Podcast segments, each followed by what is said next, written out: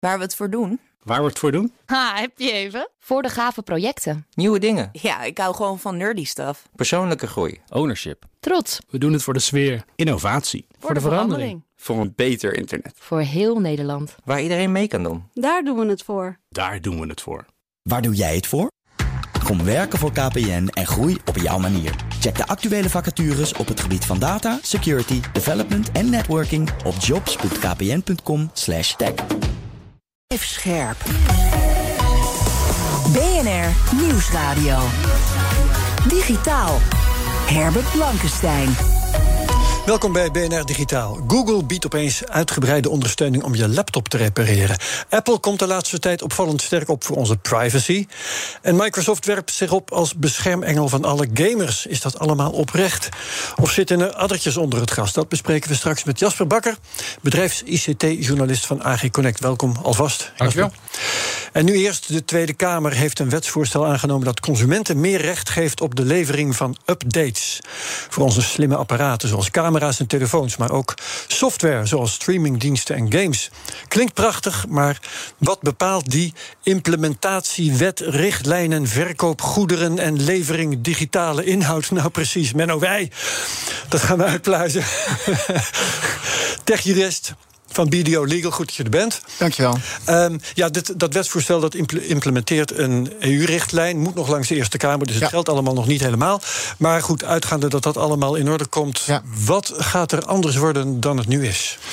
Wat duidelijker wordt is dat, eh, nou ja, je zei het al, hè, eh, streamingachtige diensten onder zeg maar, de consumentenbescherming gaan vallen. En dat ik daar iets mag gaan vinden van voldoet het aan wat ik ervan mag verwachten. Eh, maar ook dus de slimme producten. Hè, dus typische producten die nu aan het internet hangen en een component met cyber hebben, slimme televisies, slimme ijskasten, noem het maar op. Die vallen daar ook onder. Ehm, Er is dus al daar jaren creëert- gezegd van ehm, eh, die ehm, apparaten hebben updates nodig, Ja. maar die updates worden niet altijd geleverd en je apparaat is dan op een gegeven moment gewoon niet veilig meer. Klopt. Ehm, en daar, dat was grijs. Hè, dus er is zeg maar gewoon een soort van ja, conformiteitsnorm, lees een garantie in de volksmond. eh, die nu zeg maar een vrij open norm is. En dat wordt echt ingekleurd vanuit die twee typen. Voorbeeld die ik gaf, streaming-achtige softwarediensten, dan wel een product waar software nou, in, in embedded zit. Ehm, en dat creëert meer duidelijkheid. En het is grijs omdat bijvoorbeeld in het verleden... eh, nou, de Consumentenbond heeft Samsung geprobeerd om eh, aan te pakken. Te En, eh, om updates uit te brengen. Ja. Exact. En eh, ja, dat is toen niet gelukt. Eh, en ik denk dat met zeg maar, deze wetgeving er in ieder geval een veel duidelijker kapstokje en een norm zou liggen om het nog een keer te proberen als de, als de casus hetzelfde zou zijn. Ja, maar je zegt veel duidelijker. Wat voor garanties krijgen we dan nu precies? Nou, het zijn er twee. Dus het is een subjectieve en een objectieve toets. Ook zo'n mooie juristenterm. Mhm. Ja, kom op. Ehm, subjectief is niet zoveel nieuws onder de zon als in voldoet het product, beantwoordt die aan de overeenkomst. Dus dat kan je als leverancier inkleuren. Dus als je daar duidelijk in zegt, dit is het wel, dit is het niet. En een garantie is natuurlijk juridisch gezien een snoeiharde disclaimer. Wat heb je vooral niet, hè? dat is de, de gedachte daarachter. De objectieve toets is, mag ik gewoon vergelijken met dezelfde vergelijkbare producten. Wat mag ik er dan van verwachten? Ehm, en die is wel echt nieuw nieuw en is dus objectief en kan ik dus ook niet inkleuren als fabrikant of als verkoper. Eh, dus die is interessant en daar zit ook die updates in. Maar, zeg ik erbij, ehm, je mag vervolgens van die objectieve toetsingsnorm mag je afwijken door te zeggen: consument, u doet er afstand van. Een soort van opt-out disclaimer. Dat, Niemand dat weet hoe je die gaat invullen. Ja, nee, oké. ja, ja. De, de verkoper, de leverancier en de consument... die kunnen dat onderling afspreken in Ja. een of andere... Let op, u krijgt gewoon helemaal geen updates. Of u krijgt er maar één. Dat staat op pagina 40 van het document met 60 pagina's waar ik op akkoord De klik. vraag is inderdaad, hoe, hoe klein zijn de lettertjes waar dat dan in staat? Ja, kijk, ik denk uiteindelijk dat je er, net zoals in privacyland of met alle andere voorbeelden, hè, je mag het niet wegmoffelen in, eh, wat was het, bladzijde 40, Jasper, en dan Romanite 7, het bullet 9, je Ja, kent precies. het wel. en dan lettertype 3. Ja. Ehm, hè, dus ik denk dat dit wel explicieter moet. Dus dat heel duidelijk is bij, nou ja, ook als ik het nog eens een keer online bestel, hè, dus dan heb je ook zo'n verkoopknop. U, u bindt zich nu aan een contract. Moet ik snappen als consument. Moet je vinken dat je het gelezen hebt? Ja, lijkt mij dat dat het ideale moment is dat je dat daar gaat concretiseren. En dat, dat is ook in het belang, denk ik, van de verkoper en de, en de fabrikant. Uh, want die hebben daar natuurlijk ook baat bij dat dat een houdbare afwijking is die ik echt begreep. Ja. Maar even de brug tussen techniek en, en, juridische zaken. Ja, sorry. Uh, als updates zijn, bijvoorbeeld in het kader van beveiliging, je kunt nooit iets 100% veilig hebben. Uh, dus als, als, hoe, hoe, duidelijk staat het erin omschreven dat updates mijn beveiliging als consument ten goede gaan komen? Er staat gewoon in updates. Het woord update staat gewoon in het wetsvoorstel. Het is wat Herbert terecht al zei, hè, regelgeving die we verplicht moeten implementeren. Nederland is te laat, dus stiekem geldt het wel al een beetje. Mm -hmm. Uh, dus we moeten een beetje tempo maken in de Eerste Kamer.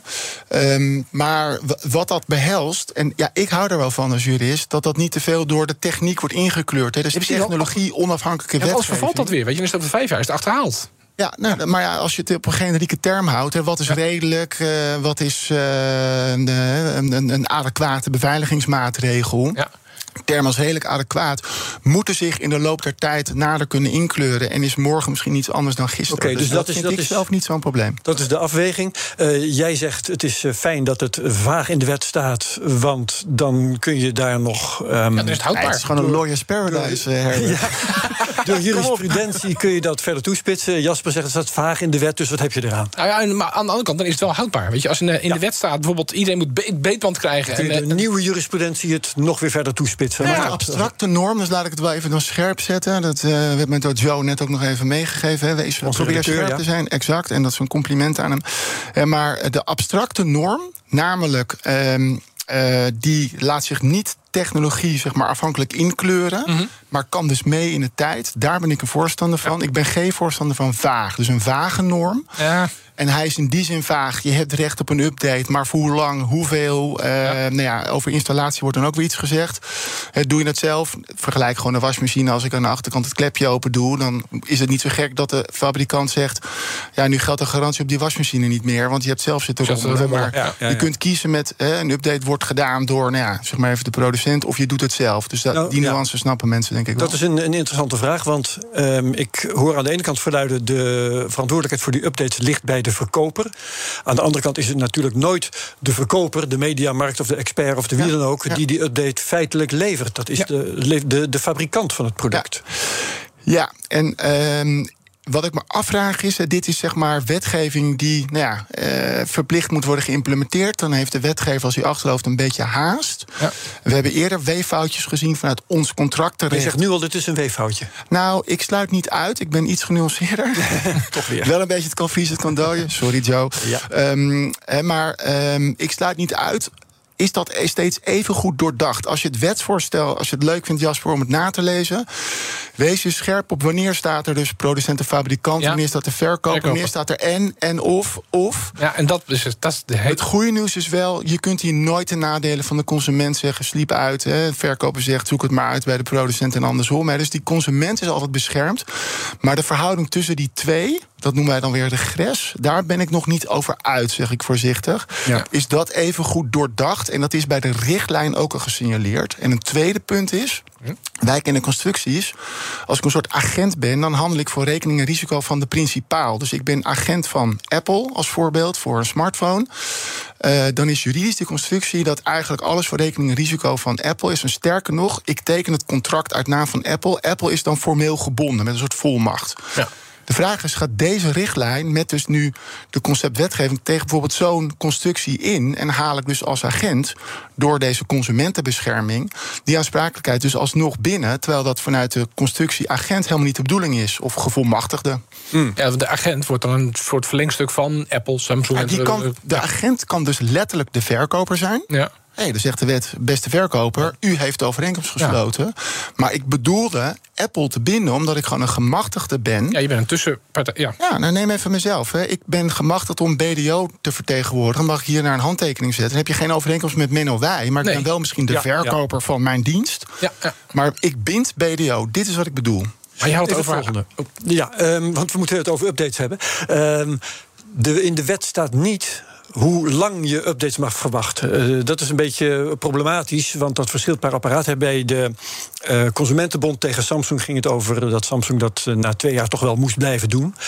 Maar ja, er staat dus niet bij welk apparaat je hoe lang updates mag verwachten. Hoe kom je dan aan je recht als consument? Nou, kijk, ik denk hier dat producenten dit wel willen gaan inkleuren, omdat ze daar ook belang bij hebben. Namelijk duidelijke taal klare wijn schenken bij de, gewoon de verkoopgarantie, of hoe je het ook wil noemen. Als je dit koopt, heb je voor zo lang recht op die en die updates. En daar zal dingen als betaal ik ervoor. By the way, er wordt erkend hè, dat betalen met je privacy, met je persoonsgegevens ook uh, nou ja, een koop is in die zin.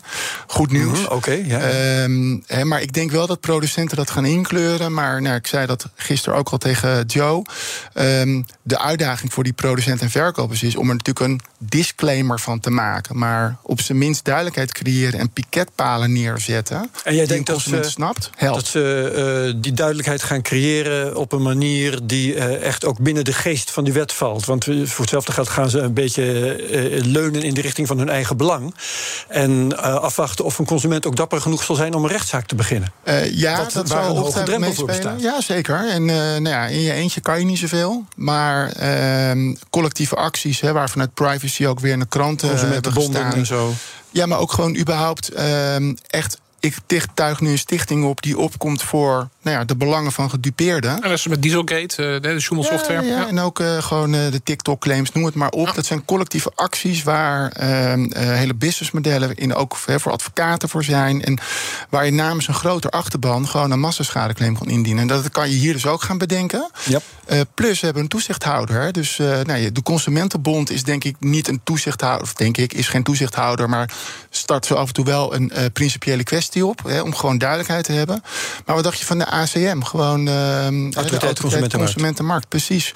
Die kunnen hier ook wellicht iets mee doen. En ik denk uiteindelijk dat daarmee zeg maar, de massa van de consument, uh, los van het individu niet zoveel kan, maar dat er echt wel mogelijkheden liggen ja. en dat het ook absoluut gaat gebeuren. Want er moet ingekleurd worden. Ja, ja, ja. Oké, laten we het dan nu even gaan hebben over. Um, want we hebben het steeds over uh, apparaatjes en, en, updates en zo, de, de telefoons en, en dergelijke. Maar aan het begin zeiden we ook, dit heeft ook te maken met streamingdiensten, bijvoorbeeld Spotify. Kun jij eens uitleggen op wat voor manier dit Spotify raakt? En soortgelijke diensten? Uh, probeer ik even te denken of ik je vraag goed snap. Nou, de, de, het onder, deze wet is uh, van toepassing ook op streamingdiensten. Ja, klopt. Uh, omdat het uiteindelijk twee richtlijnen zijn. Dus even nog even technisch. Uh, er zijn twee richtlijnen geweest. Eentje ziet zeg maar even op producten waar iets nou, digitaals in zit. De andere zijn zeg maar echt digitale producten en diensten, dus software, dus streaming. En daar geldt dus ook de regel voor dat dat nou ja, conform moet zijn. Daar gelden dus ook die normen, die objectieve, subjectieve conformiteitsnormen. Maar die moeten zich wel indachtig die dienst gaan inkleuren. En waar ik bijvoorbeeld met mezelf nog een beetje bij worstel, zeg ik heel eerlijk als die twee samenkomen. Ik heb thuis een smart TV van merk X en daar zit een streamingdienst op van product Y. Die gaan natuurlijk een beetje naar elkaar zitten koekeloeren. Want uh, naar Netflix, als we gewoon een voorbeeld noemen, zal zeggen: nee, hallo, die dienst van ons is zo veilig als wat. Uh, daar is het probleem niet. Het probleem is waarschijnlijk uh, je smart TV. nou, dan zegt die producent: nee, het, ja. is misschien, het is volgens mij de streamingdienst. Of u bent zelf de zwakste schakel. Het is je wifi-router. Of daar gaat iets mis. Ja, ja. dat, dat ga ik dus krijgen. Kan ik dan naar de producent van dat wifi-product, omdat dat ook onder de strekking van die richtlijn of die wetgeving valt. Maar, maar, maar, updates raakt niet alleen maar beveiliging, denk ik. En je, nee, ook de werking beter, van het product. Maar ook de werking inderdaad. Ja, Als op een gegeven moment mijn oude smart TV geen Netflix meer mag ontvangen, want hij is te oud. Wie is zijn schuld? Wie, bij wie moet ik eraan kloppen? Netflix, maak je code maar geschikt voor het oude apparaat. Of oud apparaat, zorg een update. terecht punt. Ik moest denken aan uh, een van mijn kinderen, die zal meteen denken: haha, nu zegt papa het op de radio. Maar yes. die heeft een wat oudere uh, nou, smartphone. Uh, en kan dus nou, zijn operating software niet meer updaten.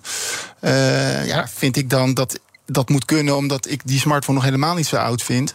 Uh, of is het terecht dat het ding verouderd is en ik dus een nieuwe moet kopen en dat recht vervalt? Ja, ik kan nu ook niet zeggen, nou, vanaf een type 7, 8 of uh, 3. Ja, het is weer uh, naar redelijkheid. Ja, en, en wat noem Gelukkig je, wel. Ja. En, en, wat noem je oud? Want in januari dit jaar bleek, een collega van me kwam daar ook tot schrik achter, een OnePlus 6 van mei 2018 of een OnePlus 6T van november 2018 is Geen updates meer. Ook niet voor de security. Dat is, en dat was toen een toptoestel. Dus we hebben niet over een, een goedkoop wegwerp Androidje waarvan je verwacht na twee jaar wil je toch een nieuwe. Maar ik wil dit even afkappen, omdat we. De, ja, er zijn altijd van die. We willen net even beginnen. Nee, dat kan wel zijn. Ik wil kort, want we hebben weinig tijd meer voor dit onderwerp. Eh, er is ook een omkering van de bewijslast. Als ik het goed begrijp, dan ehm, ehm, moet de eh, verkoper op een gegeven moment gaan bewijzen dat het niet aan de koper ligt. In plaats van dat, zoals nu andersom. Ja, even uit mijn hoofd. Ik denk dat je het ook wel hebt staan. Maar ik dacht dat die nu een jaar wordt. Hè. Dat in het eerste jaar. zes eh, maanden een jaar. ehm, eh, klopt, het, het is een soort verlenging. En eh, ik hoef alleen maar te stellen dat het dus niet goed is. Hè. Dus het omdraaiend bewijslast is. Ik zeg gewoon, het voldoet niet aan die conformiteitsnorm. En dan is de verkoper of de fabrikant moet gaan bewijzen dat het wel zo is. Dus het wordt maar makkelijker gemaakt. Ja. Ja, oké. eh, dan hebben we deze eh, wet besproken. Eh, ik dank jullie allebei voor dit moment. En we gaan straks verder. Herbert Blankenstein. Want we hebben het hier eh, elke week zo'n beetje over privacybescherming en monopolievorming. De grote Amerikaanse techbedrijven die sloven zich nu uit om te laten zien dat ze het beste met ons voor hebben. Een voorbeeld: Google komt opeens met een hele handleiding hoe je zelf een Chromebook laptop kunt repareren. Dat is een stuk goedkoper dan een nieuwe kopen, dus dat is mooi. Apple is privacykampioen, profile- profileert zich daarmee tegen Facebook. Waar komt dat fanatisme nou vandaan? Wat proberen de techreuzen te bereiken ten aanzien van elkaar? Jasper Bakker eh, van AG Connect. Menno Wij is er ook nog steeds. Eh, Jasper, laten we het eerst even hebben over de right-to-repair-beweging. Google heeft nu dus hele gidsen... eh, waarbij je wordt geholpen om je eigen apparaten te fixen. Apple verkoopt zelfs reserveonderdelen voor iPhones. Nota bene, is wel het anders geweest. Aan externe reparateurs en aan de gewone stervelingen als jij en ik. Ja. Ja, en is dat nou helemaal uit eigen beweging? Of is het onder juridische druk, onder maatschappelijke druk? Hoe komt dit zo? Het antwoord is ja. Deel- deels eigen beweging, want er zit business in. Deels onder druk, want ja, mensen maken meer druk om het klimaat, meer druk om wegwerpen, meer om recycling. Als je zegt, is het business in, dan vraag ik me meteen af of dat waar is. Want eh, zeker bij Apple is het verkopen van nieuwe apparaten... is de beste business die er is en niet het repareren van de oude. Dat was Nee. nou net altijd het punt. Maar dit straalt uit. Ik koop een phone waarvan ik het vertrouwen heb, het idee heb dat het jaren meegaat en als er iets mee is, dat ik het kan repareren of goedkoop kan laten repareren. Versus ja, die, die wegwerp Android van Menno BV, die ja, nog even los van software, software updates, vastgebakken batterij, ja, ik weet niet hoor. Dan heb ik misschien wat meer geld over voor die prachtige fonkelende iPhone, waarvan ik het idee heb dat die helemaal Ja, repareerbaar is. Dat denk ik dus ook. Het is marketing. En na een jaar koop je alsnog gewoon weer de nieuwste. Precies. Ja, En je ehm, krijgt voor je oude krijg je dan misschien wel, wel iets meer terug. Ja, nou ja, en waar, waardebehoud, Tweedehands tweedehands markt. Zeker. Ja. Ja. Ja, nou goed. Eh, Apple, Apple eh, wil onze levens beter maken, zegt Apple. eh, biedt een opt-out voor gepersonaliseerde advertenties op iOS. Ja. Ehm, dat is ten koste van de opbrengst van de advertenties van Facebook. En het gevolg hebben we van de week gehoord. Meta meldt 10 miljard dollar aan gederfde inkomsten. Ja. Beurskoers dondert naar beneden. Eh, wil Apple zich hier nu afzetten tegen Meta? Of hebben ze eh, echt hard voor onze privacy? Ehm, vooral het eerste. En misschien in het tweede zit ook wel een, een, een markt. Vergeet niet, Apple heeft ooit geprobeerd om een eigen ads-netwerk op te tuigen. Dus Apple heeft ook ooit een positie als van Google willen hebben.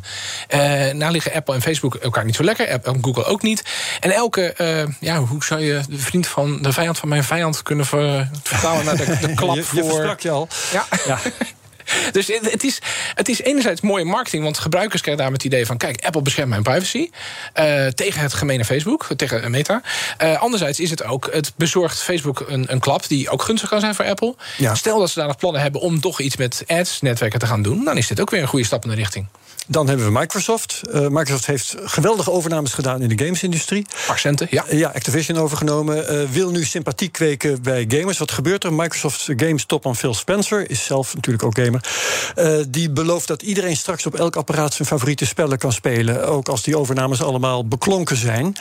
En daarmee lost hij een probleem op dat zich nog helemaal niet heeft voorgedaan. Al is het wel een beetje voorspeld. Maar zo'n proactieve belofte, wat zegt dat volgens jou? Nou, dat zegt misschien ook iets richting Want Ja. eh, eigenaar van een gameplatform, console, eh, de Xbox, koopt maker van spellen voor allerlei consoles. Je krijgt een, er zou een verschaling van de markt kunnen komen als gebeurt in het verleden gedaan is. Ik koop jou en jouw game is voortaan alleen van mijn platform. Vergeet niet, eh, Halo, de, de, de, de, de stergame-serie van de Xbox, is ooit gedemonstreerd door Steve Jobs op een Mac. Toen kocht Microsoft het en kwam het uit voor die nieuwe Xbox-console. En de Mac-versie is gegaan. Nou, zo'n overname waar... Nou, hoeveel miljard was het ook weer? 65, echt, ja, de... absurd bedrag. Precies. Uh, als dat niet doorgaat, is dat ook niet zo leuk. 70 miljard dollar hoor ik. Ja. 70, kijk, hap. Nee, maar is er ook niet daar gewoon de gedachte... ik, Microsoft, treed zeg maar nou, in de software gaming-markt. Ik heb toevallig uh, een uh, hardwarebox waar ik op kan spelen. Maar als ik met games geld kan verdienen... Juist. En die kunnen ook op de concurrentenboxen draaien... Ja, dan is dat toch gewoon... Uh, of ja, nou, ja, want, want uiteindelijk heb je natuurlijk wel een, een Microsoft Cloud Box whatever account nodig... om die game in multiplayer te kunnen spelen. Precies. Dus daarmee het Sony PlayStation netwerk weer even ja. opzij schuiven. De World Garden krijgt een andere vorm. Nou ja, het is net zoals Microsoft jaren terug Windows ook los heeft gelaten... en toen gaat ze weggegeven. Het is een middel om te komen bij hun diensten. En daar verdienen ze aan. Ja, oké, goed. Um, heb je, want ik uh, bombardeer jou met voorbeelden van Google, van Facebook, van Apple. Wat voor voorbeelden heb jij zelf? Uh, nou, ik zag bijvoorbeeld uh, ook wat Chromebook, wat Google nou doet met Chromebooks, doet Microsoft ook met Surface richting de onderwijsmarkt. En daar is, is Microsoft een beetje een kleine partij, maar die Surface speciaal voor de onderwijsmarkt is ook gemaakt. Dus niet alleen maar getoond, maar van design af aan dat je onderdelen kunt vervangen en kunt repareren. Dat is een poging om die onderwijsmarkt, die heel belangrijk is, want wat kinderen nu leren, zijn ze later gewend. Hè? Dat, is, dat is het creëren van je eigen afzetmarkt. Ja. Uh, maar we zien ook andere bewegingen wel. En het, het, het grappige vind ik wel, is dat privacy is een unique selling point geworden. daar maken we ons enerzijds druk om. Anderzijds hebben we een, een Amazon Echo en een Google Speaker in huis... die eigenlijk hetzelfde doet wat, weet je nog, 2013... de Kinect bij, bij Xbox ging doen. Oh ja. De slimme camera's en microfoons die altijd aanstonden. En nou, ja, daar wilden we helemaal niks van af, hebben. Afluisteren. Ja, precies. Ja, ja, dus dat, dat is, het is ook een, een tijdsding.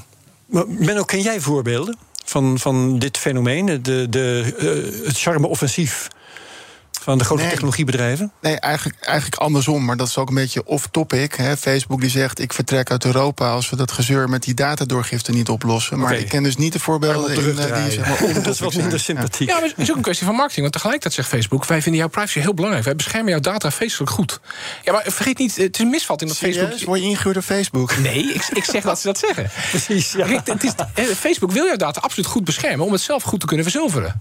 Weet je, als, als, als er nog een Cambridge Analytica uh, voorkomt... is dat natuurlijk geen goede business voor Facebook. Nee. Maar Jasper, breng dit allemaal eens op één noemer. Uh, Wat is er gaande? Uh, klanten winnen. Charme-offensief. Is, ja. is uitstraling, is marketing, is perceptie, is verkoop. PR. Ja, en business. Ja. Ja, en inderdaad, Herbert, maar volgens mij zeg je dat ook al, uh, Jasper. Uh, gewoon de perceptie bij de klant. Hè. Als ik als Apple uh, sta voor privacy, dan scoor je daar ten opzichte van de big tech concurrentie, zeker ten opzichte van Facebook, ja, echt wel zeker. punten. Ze doen mee. allemaal iets wat raakt aan het businessmodel van de ander. Ja, en ja. uiteindelijk is het doel volgens mij wel gewoon omzet omkrikken en voor de aandeelhouders de waarde opschroeven. Ja. Dat is wel de opdracht. Ik mijn... Een bedrijf dat zich hieraan onttrekt is trouwens Tesla. Hè? Want Tesla heeft een PR-afdeling die, nou, als die al bestaat, dan kan niemand hem bereiken. Uh, Elon Musk uh, twittert nogal arrogant. Um, is, is Tesla nou een bedrijf dat in de fase is waar Apple uh, pak een beet uh, 10, 15 jaar geleden was? Dat ze konden doen en laten wat ze wilden? Nou ja, misschien wel. Want je, hebt als bedrijf heb je klanten of je hebt gebruikers. Waarbij overigens de drugsindustrie en de IT-industrie de ene zijn die het hebben over users. Maar goed. Um, of je ja. hebt fans, fanboys. Apple, jaren geleden met Macs. Als jij iets uh, op een Mac niet lukte, ja, dan lag dat aan jou, jij domme Windows-gebruiker. En dat is met Tesla's ook. Weet je, ik heb filmpjes gezien van Tesla dat je de kofferbak open doet. En als de regen stroomt het allemaal naar binnen. Wie heeft dat ontworpen, die kofferbak.